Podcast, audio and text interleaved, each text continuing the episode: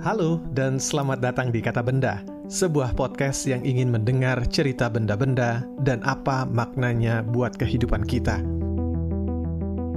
Cerita tentang beduk dan kentongan, borobudur dan penjara orang buangan, mesin jahit dan panel-panel di Museum Perjuangan. Ikhtiar menggali dan mengakrabkan pengetahuan juga kearifan masa lalu dengan tantangan masa kini. Kata benda menjelajahi tema arkeologi, museum, dan kebudayaan materi dalam perbincangan yang mudah-mudahan santai bersama para ahli dan akademisi. Kata benda diproduksi oleh Pusat Penelitian Kemasyarakatan dan Budaya PPKB Fakultas Ilmu Pengetahuan Budaya Universitas Indonesia. Saya Hilman Handoni, pemandu obrolan. Kementerian Pariwisata ini menargetkan kunjungan wisatawan mancanegara ke Candi Borobudur minimal itu satu juta orang pada 2020. Data dari Dinas Pemuda, Olahraga, dan Pariwisata Jawa Tengah uh, menyebutkan transaksi event Borobudur Marathon 2018 tahun lalu itu 19, 19 miliar dan tahun ini ditargetkan 21 miliar. Itu baru dari single event, belum menghitung pendapatan Borobudur sepanjang tahun itu baru satu candi, belum candi lainnya, atau bahkan dari cagar budaya lainnya. Tapi apakah cuma warisan budaya yang sifatnya monumental seperti itu yang bisa datangkan uang? Nah, kita ingin mengobrol, ngobrol-ngobrol santai, bagaimana menambang uang dari warisan budaya kita bersama Dr. Irmawati Marwoto Johan, uh, seorang staf pengajar juga sekarang wakil dekan di Fakultas Ilmu Pengetahuan Budaya Universitas Indonesia.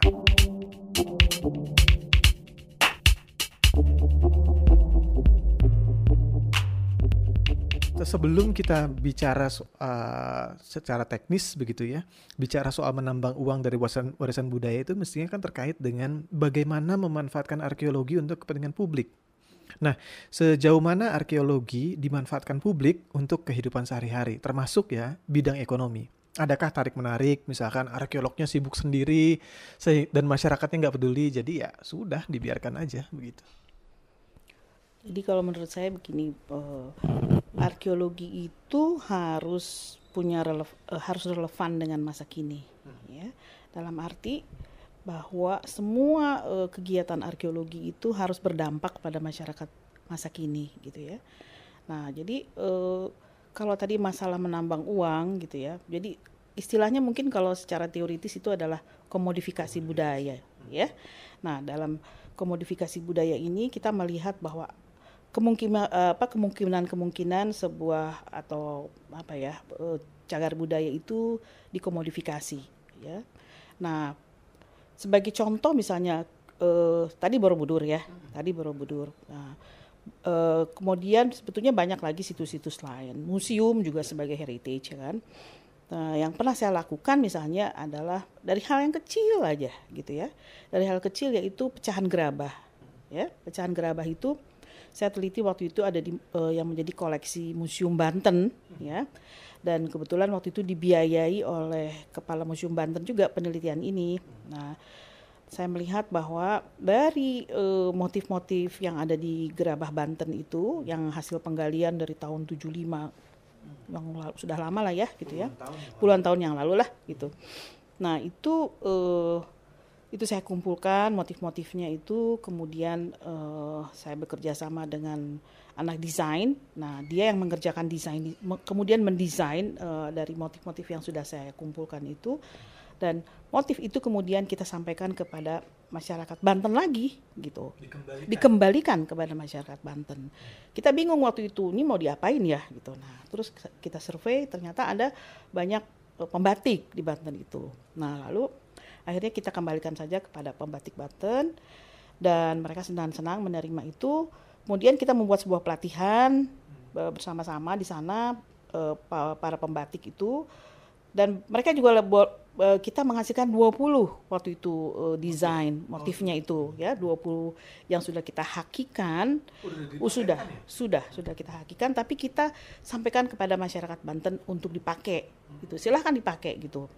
Nah sekarang itu uh, ada satu orang pengrajin Banten yang tadinya masih sangat sederhana tempatnya gitu ya sederhana sekali lalu uh, pengrajinnya juga berapa orang, anak-anak putus sekolah gitu ya. Nah sekarang setelah empat tahun berjalan itu mereka itu sudah punya empat cabang, wow. ya sudah ada empat cabang. Saya juga kaget ya. Terus kemudian kemarin saya wawancara ternyata penghasilan mereka juga sekarang udah luar biasa ya, 80% lah kenaikannya gitu ya e, penghasilan mereka itu. Dan pengrajin apa pembatik-pembatiknya itu juga mereka mengatakan bahwa gajinya mereka sekarang udah jauh lebih baik daripada empat tahun yang lalu lah empat lima tahun yang lalu seperti itu. Jadi sekarang uh, orang ke Banten batik Banten gitu ya. Ini batik Banten. Seragam WD2 di FIB eh di UI ternyata teman saya memilih tidak sengaja nih ternyata batik Banten juga gitu ya betul nah sekarang batik Banten juga sudah dipakai sebagai seragam di uh, guru-guru di Banten katanya begitu.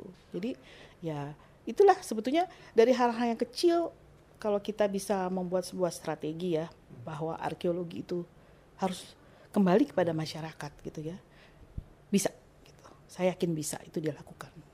Dan ini jadi sangat tangible ya bu ya artinya mendatangkan uang barangnya ada gitu ya. hmm. ya enggak lagi juga kemudian uh, cuma dipakai cuma dipakai sebagai identitas aja hmm. gitu ya. ya jadi sebetulnya uh, dia dari yang intangible menjadi tangible, hmm. ya kan?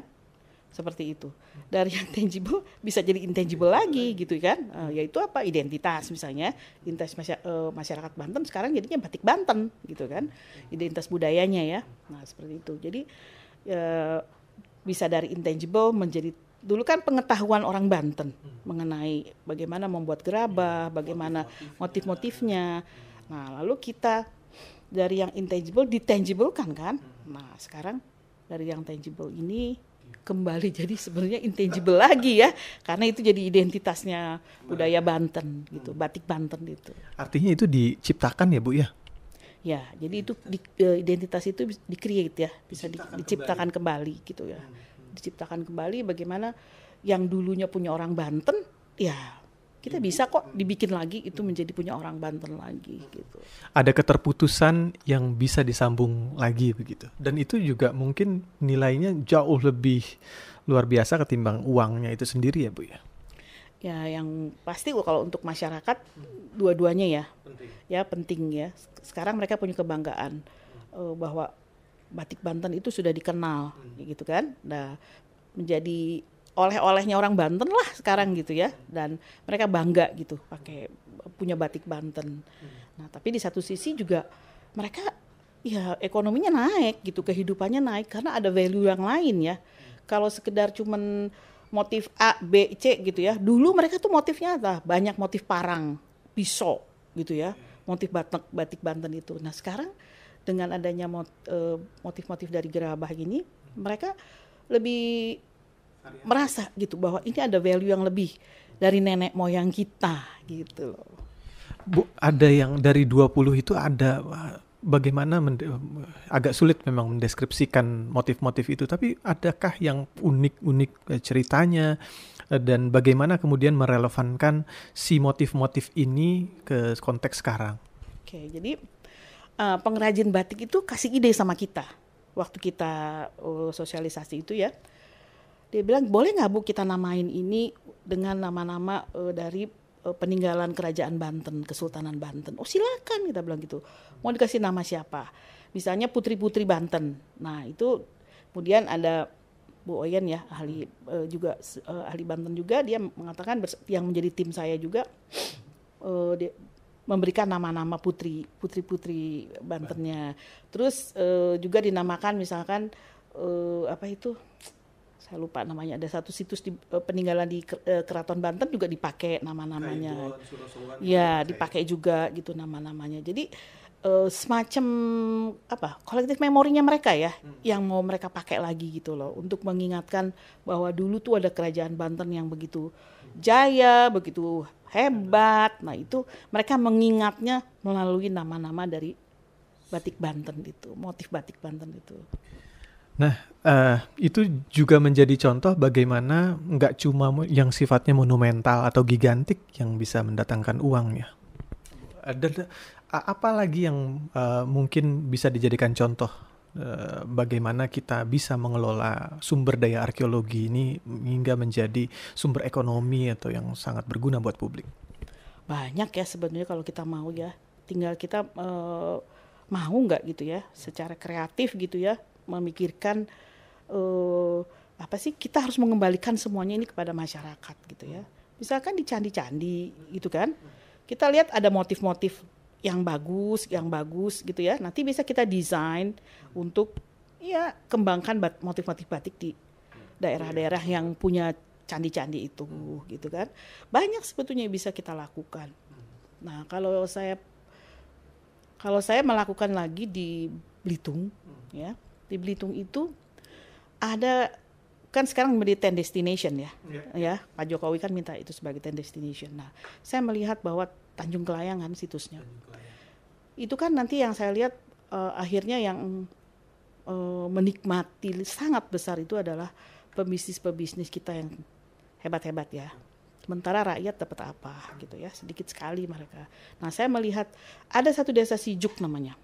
Dia punya potensi di Tanjung Kelayang, tapi dia selalu dilewati gitu. Kalau orang ke Tanjung Kelayang nggak masuk radar.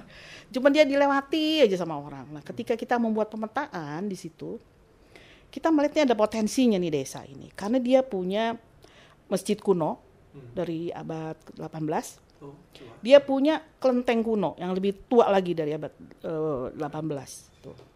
nah lalu ada sisa-sisa rumah-rumah uh, lama rumah Melayu yang uh, sudah terbengkalai. Sudah terbengkalai sudah ditinggalkan oleh yang punyanya. Mereka malah sekarang tinggal di sebelah sebelah sebelahnya rumahnya gitu karena tanahnya kan luas ya. Nah saya melihat itu ada potensi di situ. Itu kan heritage ya gitu. Warisan, warisan gitu ya. Jadi uh, saya mencoba bersama tim memikirkan bagaimana ini uh, me, me, apa, menjadikan desa Sijuk ini sebagai sebuah destination tourism gitu ya. Jadi jangan cuma ke Tanjung Klayang ya. tapi ke Sijuk nih gitu kan. Ini ada budaya loh di situ gitu. Kalau ke sana kan cuma pantai oh, ya. ya kan alam.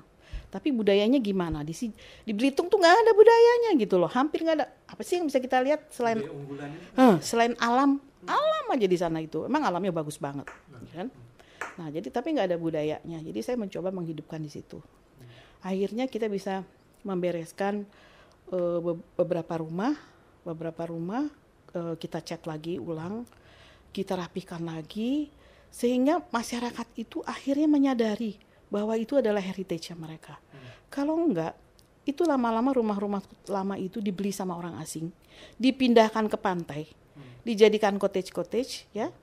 Dan yang menikmati siapa? Mereka lagi, ya kan? Akhirnya orang Sijuk ini sadar. Lalu kita branding Sijuk itu menjadi Sijuk Heritage. Ya. Nanti uh, websitenya sedang kita persiapkan ya Nah, Kemenpar sudah turun. Hmm. Kemenpar sudah turun membantu kita di sana. Bupak Pak Bupati sudah turun, semuanya menyadari bahwa ini bisa diangkat gitu. Hmm. Dan tapi itu kan hal yang tidak mudah ya, tidak bisa secepat kita iya, membalikan iya, tangan. Kita perlu waktu. Komunitas kita bangkitkan di sana. Sekarang udah bangkit komunitasnya itu. Ya. Terus kita tinggal menunggu.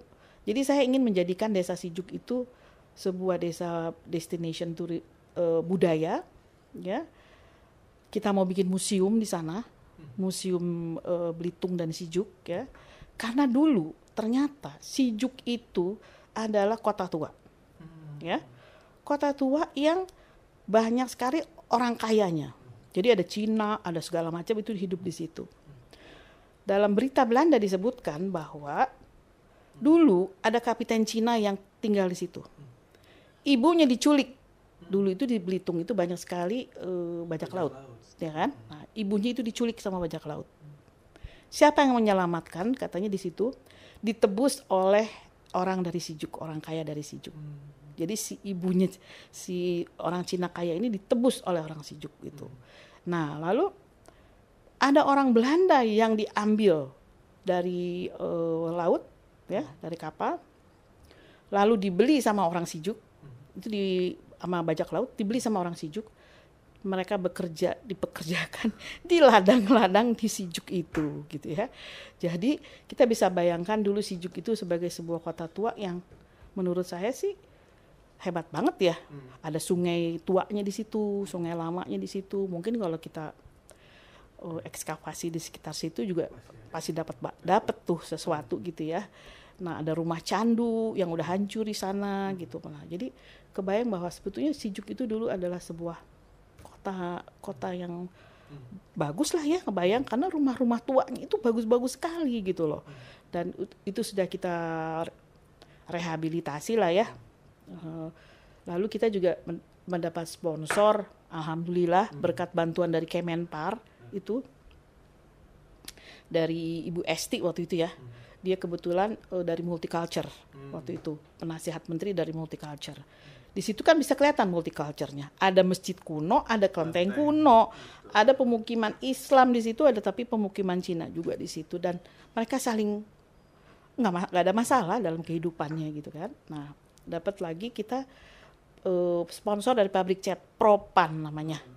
Jadi saya harus sebutin ya karena memang mereka itu concern banget dengan budaya. Jadi kita disponsori oleh mereka. Sekarang kita lebih bisa banyak menyelamatkan rumah-rumah tua lebih banyak lagi gitu. Nah, nanti ada ikonnya yang mau kita bikin di situ, yaitu ada bunga alamanda. Hmm. Jadi kayak pingin kayak di Belanda gitulah, oh. gitu ya ceritanya gitu ya. Jadi desa itu kita hidupkan lagi dengan penuh bunga-bungaan gitu kan. Nah, bunganya dari hutan-hutan mereka sendiri di Alamanda tuh banyak banget disijuk di hutan-hutan. Nah, itu sudah dibudidayakan oleh komunitas. Nah, sudah beberapa mereka melakukan penanaman di mana-mana di rumah-rumah kuno itu. Tinggal kita menunggu jadinya gimana nih gitu.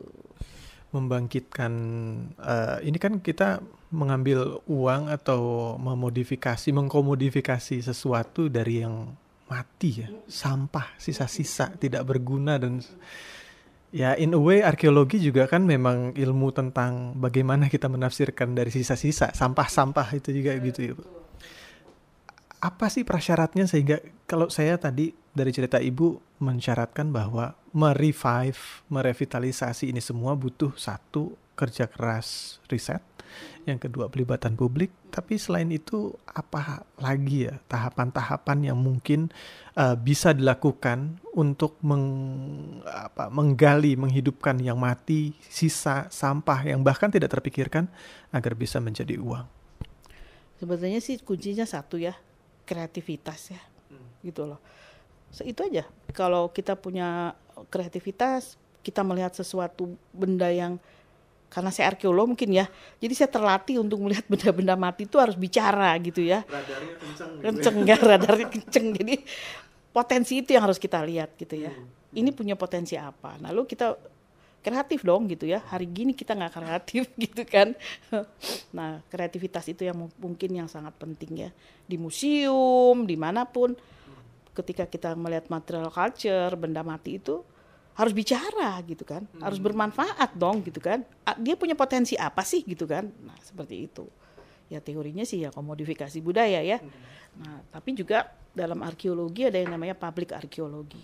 Nah itu bagaimana kita bersama-sama publik itu apa ya e, bersama-sama e, berkolaborasi ya untuk mengembalikan semua itu kepada mereka gitu. Jadi arkeologi itu bukan lagi semata-mata milik arkeolog loh gitu ya.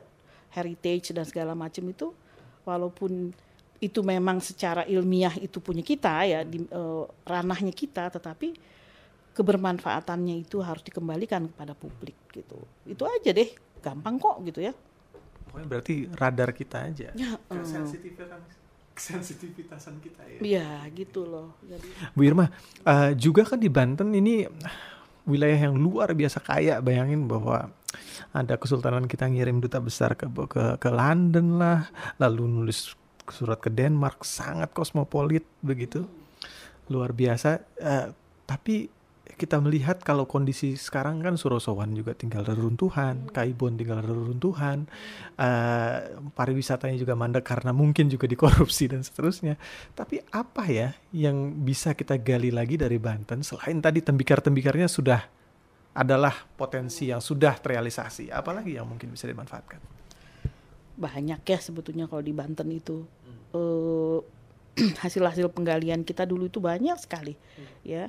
Dan apa yang ada di museum misalnya di museum Banten gitu ya itu kan bisa kita gali lagi gitu loh satu-satu gitu kan. Eh, potrinya eh, dari apa kalau di istilahnya kita keramik asing gitu ya. Nah itu juga mungkin kita bisa bisa kita gunakan lagi untuk apa gitu kan. Nah sekarang coba kita lihat. Uh, kita kan bisa menciptakan um, mementos ya uh, apa itu souvenir ya souvenir souvenir itu. Nah souvenir souvenir itu kan sekarang di museum hampir di seluruh museum Indonesia pun menurut saya parah banget ya gitu ya. Beda banget kan sama di di museum-museum di luar ya. Kalau saya jauh-jauh deh di Malaysia di Singapura gitu ya itu kan udah terkait banget gitu ya antara uh, mementos itu dengan uh, koleksi museum dengan identiti dari apa yang mau disampaikan di museum itu ya kan kalau kita kan tiba-tiba apa nggak jelas gitu kan nah sebetulnya itu juga punya potensi loh hmm. gitu loh nah gampang kan hmm. mengcreate seperti itu hmm. nah itu juga saya lakukan untuk sijuk hmm. gitu loh saya membuat menciptakan orang datang ke desa Sijuk terus pulang bawa apa hmm. gitu kan setelah lihat masyarakatnya saya mereka saya meminta mereka untuk bersama bersama-sama sih ya kesetujuan bersama-sama sih. Saya menyampaikan gimana kalau kita kembali menggunakan pakaian-pakaian lama? Pakaian mereka itu ternyata pakaian perempuannya itu kain batik Jawa. Oh, okay. kain batik Jawa terus kain uh, kebaya panjang. Ya, ya. kan orang Melayu kan Melayu kan nah pakai itu.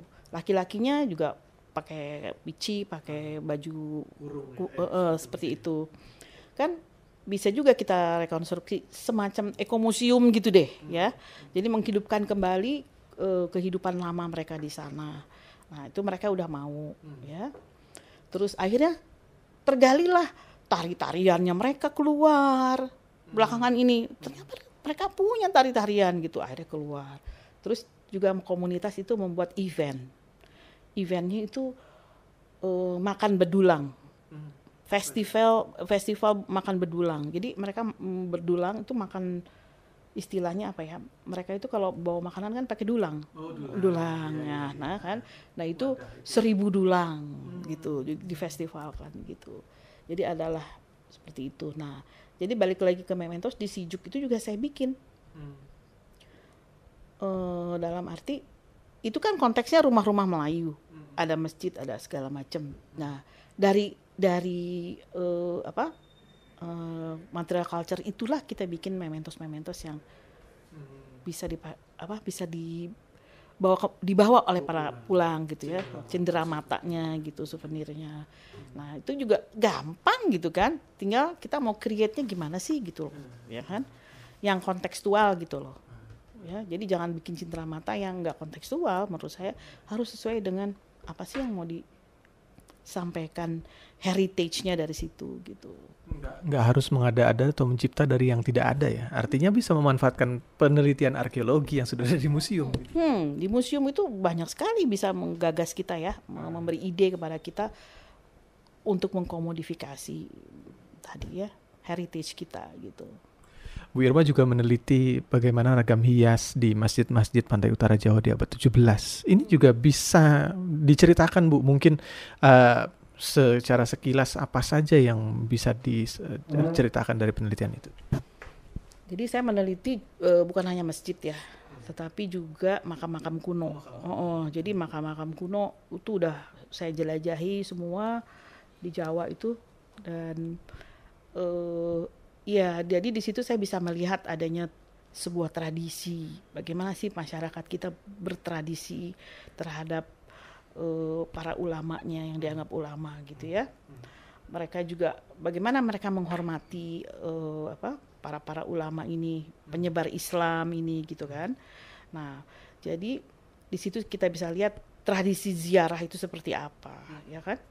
Kemudian juga saya melihat ternyata di makam-makam kuno kita itu banyak sekali ornamen hmm. gitu loh ornamen itu banyak sekali uh, dari mulai di mana itu di Sumeneb ya di mana di uh, di Giri di mana semua itu Oh, syarat dengan ornamen. Cirebon semua deh gitu ya. Wilayah pesisir pesisir utara Jawa itu. Bahkan sampai Sumatera. Kemarin kita lihat sampai Sumatera juga begitu ya. Jadi itu kan bisa menjadi inspirasi ya buat kita gitu. Uh, apa bagaimana memanfaatkan uh, apa ornamen ini untuk masyarakat lagi setempat gitu loh. Nah, kayak di Giri misalnya, saya udah pernah bicara dengan anak-anak muda di sana. Kalian bisanya apa sih? Gitu kan. Anak muda di sini. Kita bisa bikin cincin bu. Kita bisa bikin oh, perhiasan-perhiasan macam-macam dia bilang gitu. Oh oke okay, gue bilang. Uh, waktu itu saya janjikan sebetulnya. Gimana gue bilang kalau kita bikin FGD bersama terus nanti kita latih dengan motif-motif dari yang ada di tempat-tempat makam Islam itu gitu kan. Nah tapi itu belum kesampaian hmm. karena banyak hal ya yang harus dipikirkan di situ gitu. Tapi sebetulnya potensi itu tuh ada gitu loh. Tinggal saya mau nggak balik lagi di situ menggubrak-gubrak lagi anak-anak muda di situ ya kan. Ayo ayo ayo kita bikin ini gitu kan seperti itu. Bahkan di Jepara eh di di Mantingan. di, di, di Mantingan itu di Mantingan ya. Itu juga kan banyak sekali yang bisa menginspirasi kita. Nah itu kan bisa kita bawa misalnya ke pengrajin kayu ya. Ayo mau nggak kita ciptakan motif-motif baru misalnya ya yang nggak gitu-gitu aja gitu loh. Ayo kita ciptakan lagi lalu kita bikin value baru bahwa ini tuh apa motif-motif kita yang lama gitu ya yang kita create baru lagi. Nah itu bisa bisa juga saya lakukan seperti itu. Tapi itu juga belum ya karena banyak kita harus harus maju terus nih ke mana gitu ya. Nah itu juga harus kita pikirkan. Tapi kalau ada yang mau mulai ya monggo gitu silahkan gitu. Tapi ini sebenarnya belum tercipta tapi potensinya udah ada di sana begitu ya? Ada. Ada di sana itu. Tinggal kita mau nggak mikirin itu yang saya bilang. Mau nggak berkreat kreasi kita berkreat apa inovasi ya kita berinovasi bagaimana mengembalikan apa-apa yang di situs arkeologi itu kembali kepada masyarakat yang sekarang gitu. Motifnya kalau di Islam itu kan agak terbatas ya Bu ya, karena kan ada ada ada misalkan larangan untuk menggambar makhluk oh. hidup begitu ya. Nah, itu bisa diceritakan keunikan dari ornamen ragam hias ragam hias ini. Oke, jadi sebetulnya ini ya, ini yang hebatnya di Indonesia ya. Jadi Islam di Indonesia itu ya punya parolnya sendiri ya. Hmm. Kalau kata jadi punya apa ya? Punya punya gayanya sendiri deh gitu ya. ya, punya gayanya sendiri mereka gitu kan. Jadi kalau saya lihat di makam-makam Islam itu eh, ada motif burung, kebetulan ada, ya? ada. Saya juga nulis tuh di di satu jurnal. Hmm. Itu ada motif-motif burung, binatang-binatang. Hmm. Itu banyak gitu hmm. loh di sana memang untuk manusia uh, motif ma manusia itu uh, kayaknya ada tapi agak disembunyikan gitu ya. Hmm. Kalau kita nggak teliti kita nggak bisa lihat tuh hmm. gitu ya. Nah, tapi lebih banyak adalah binatang-binatang hmm. gitu ya. Uh, kalau di makam itu burung. Hmm. Di di di Sumenep hmm. uh, burung dan binatang-binatang kayak seperti kijang seperti gitu ada gitu loh. Bahkan di Sunan Prapen juga ada tuh binatang-binatang tapi e, binatangnya agak mistis. Bukan binatang, binatang. hibrid gitu oh, loh okay. ha, binatang naga ha, tapi hibrid gitu ya. Kuda tapi uh, ada sayapnya gitu ya. Terus jadi agak hibrid lah bukan binatang es binatang gitu ya sebagai binatang. Tapi agak hibrid. Nah, semacam binatang mitos begitu ya. Mm -mm, mm -mm, gitu. Hmm. Kalau Sumenep pengaruh Cinanya sangat kuat. Hmm. Nah di situ jadi ornamen Cina tuh masuk di situ. Bagus-bagus sekali gitu.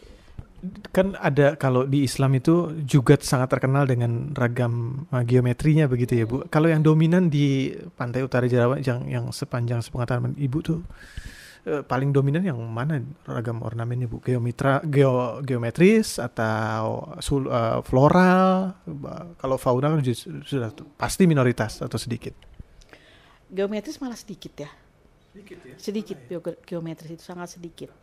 Tapi oh, Banten ornamennya geometris ya. Banyak banyak ya banyak geometris banyak. Nah tapi kalau uh, di masjid, di makam itu banyaknya sulur-sulur, binatang-binatang, ya. Ular malah ada di, di Cirebon tuh. Ada ular, kerbau segala macam ada gitu loh, ya. Nah, jadi ya emang Islam di kita ya Islam Indonesia ya, gitu menurut saya ya, karena beda banget. Jadi ada sih ornamen-ornamen dari uh, seni Islam dari luar yang kita sebut dengan interlace design ya. Jadi yang semacam apa ya yang nggak ada ujung nggak ada pangkalnya itu loh ornamen yang seperti itu ada. gitu eh, ya, tapi sedikit itu dibandingkan dengan yang naik dari alam gitu ya. Binatang sulur-sulur. Itu lebih banyak itu menurut saya.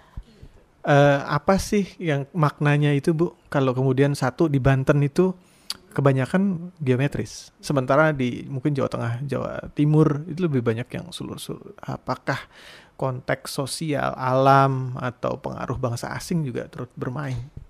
Nah, itu saya menjawabnya agak sulit ya dalam arti begini. Eh jadi yang kita lihat di Banten kan baru gerabahnya ya.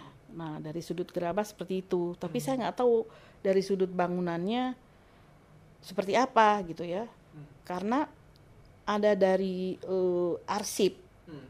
Pernah saya membaca Sultan Haji itu hidupnya sangat barat katanya. Sangat bergaya barat hidupnya. Nah jadi kita juga nggak tahu tuh kayak gimana tuh ornamen yang dia pakai di situ. Nah kalau eh, makam-makam di di Banten nggak terlalu banyak ornamennya gitu loh hiasan-hiasannya gitu nah beda dengan di di eh, Jawa Timur ya sama di Madura tuh gitu loh Kalau motif sulur dan dedaunan itu bisa kita tafsirkan bahwa itu khas di Nusantara nggak sih Bu? Bahwa kita hidup di yang dikelilingi dengan alam. Hmm, hmm, ya alam.